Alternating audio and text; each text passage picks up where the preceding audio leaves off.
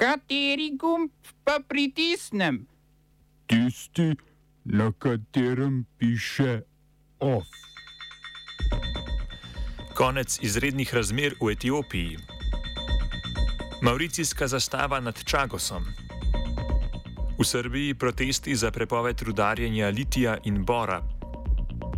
V kulturnih novicah Valerija Intihar in Neška Zamar posodabljata vizualno poezijo. Pozdravljeni. Nad ozemljem atola Peros Banos v Indijskem oceanu ponovem plapola zastava Republike Maurici. Ob spremljavi mauricijske himne jo je na enem od atolov otočja Čagos ceremonialno dvignil veleposlanik Mauricija pri Združenih narodih Jangdiš Konžul.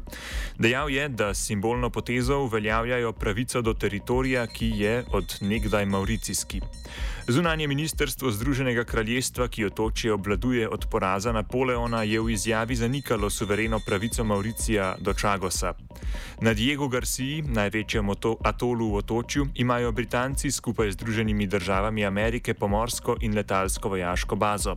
Meddržavno sodišče v Hagu je leta 2019 razsodilo, da Združeno kraljestvo otočje protipravno okupira in ga mora zato vrniti Mauriciju, kakor hitro je mogoče. Sodišče je ugotovilo, da ločitev otočja Čagos od Mauricija ni temeljila na svobodni odločitvi ljudstva, saj naj bi Britanci kot kolonizatorji v nadrejenem položaju uh, bili in so proces dekolonizacije Mauricija izrabili za ustanovitev nove kolonije.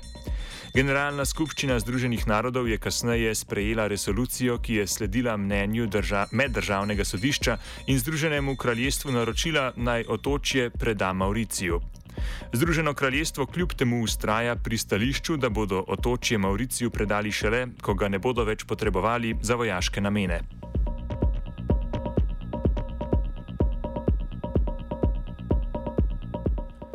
Etiopski parlament je izglasoval konec izrednih razmer, ki jih je novembra za vso državo razglasil premijer Abi Ahmed. Razglasil jih je po napredovanju Tigrajske ljudske osvobodilne fronte proti prestolnici Addis Abebi. Takrat je namreč uporniškim silam iz severne pokrajine uspelo prodreti do mest Desi in Komboloča, ki ležita na glavni prometnici med severom in jugom države. Izredne razmere so premijeju poleg lažjega zatiranja notranje opozicije centralni oblasti omogočile splošen vojaški upoklic polnoletnih državljanov. Po poročanju nevladnih organizacij, kot je denimo Human Rights Watch, je to privedlo do množičnih aretacij državljanov tigrajskega porekla, če tudi ti niso imeli nobenih povezav z uporniškimi skupinami na severu države. Izredne izmere bi se sicer iztekle v začetku maja, vlada pa je njihov predčasen konec predlagala, ker jih je po lastnih besedah, ker ji je po lastnih besedah že uspelo doseči stanje, ko je grožnje mogoče obvladovati po rednem pravu. Tigrajske sile so se namreč umaknile nazaj v regijo, v kateri so začele upor. Kot zatrjujejo, so to storile zato, da bi omogočile začetek mirovnih pogajanj, ki se vsaj uradno še niso začela. Etiopska vlada se medtem v zadnji fazi državljanske vojne zanaša predvsem na zračne napade tigrajskih mest z brezpilotnimi letali. Pred mesecem dni so denimo zbombardirale taborišče za notranje razseljene osebe v mestu Dedebit ter pobile okrog 50 in ranile okrog 100 ljudi. Etiopska vlada se, ponovem tudi pred Komisijo Afriške unije za človekove pravice, sooča z obtožbami zločinov proti človečnosti.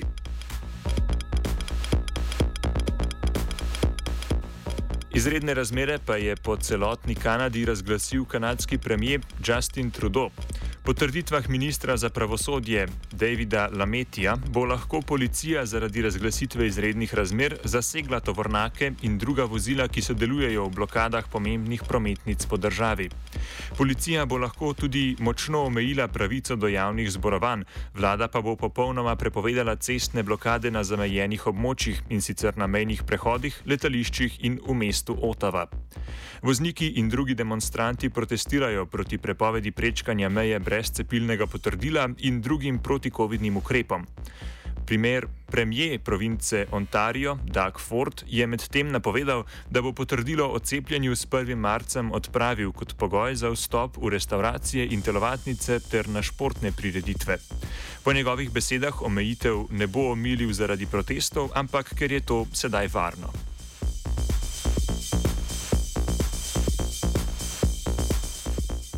Ruska duma je sprejela deklaracijo, ki ruskega predsednika Vladimirja Putina poziva, naj Rusija prizna Ukrajinski separatistični ljudski republiki Donetsk in Lugansk.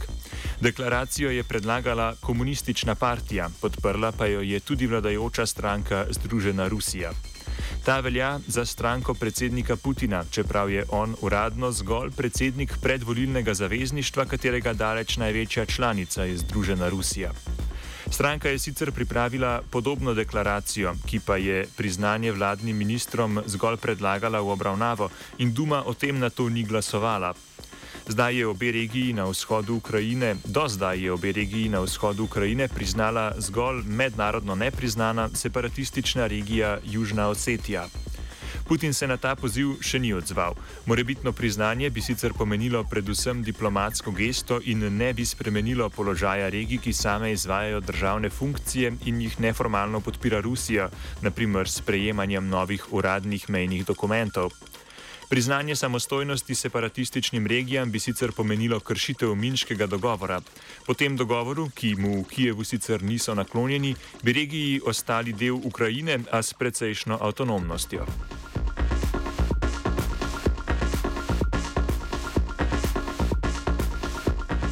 Medtem se diplomatska srečanja med Rusijo in evropskimi državami na najvišji ravni nadaljujejo brez oprijemljivih rezultatov. Tak je bil tudi zaključek obiska nemškega kanclerja Olafa Šolca v Moskvi. ZDA še vedno zatrjujejo, da je nevarnost obsežne ruske invazije velika, to pa so pospremile začasno selitvijo svojega veleposlaništva iz prestolnice Kijev v zahodno ukrajinsko mesto Lvov. Svoje državljane so hkrati pozvali naj zapustijo tudi Moldavijo. Umik američanov iz vseh evropskih držav za zdaj še ni napovedan. Ekološki protesti v Srbiji se potem, ko je projekt Ria Tinta v dolini reke Jadar vsaj zaenkrat padel v vodo, nadaljujejo. Protestniki ponovem zahtevajo zakonsko prepoved rudarjenja mineralov litija in bora v Srbiji. Danes protestirajo pred palačo Srbije, blokirali so bulvar Nikole Teste in bulvar Mihajla Pupina. Blokado je skušal predreti voznik avtomobila, ki je zapeljal množico in povozil enega od mladoletnih protestnikov, ta pa ni resneje poškodovan. Oba, če, če bom odgovoril na angliški. Slovenija bo poskušala pomagati. Slovenija bo naredila naš utmost, da bo rekla, da je situacija naš problem, naš. In mi bomo naredili nadaljnje korake, as soon as the conditions are. Bomo vlado Marjana Cererera Šarca podprli. Very, very serious. News from Slovenija. We know how and we will.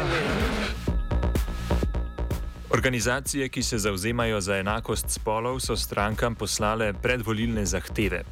Ženski lobby, Društvo SOS, Društvo za nenasilno komunikacijo, Srebrna nit in Beli obrod Slovenije zahtevajo spremembe v izobraževanju, pa tudi dostojno minimalno plačo.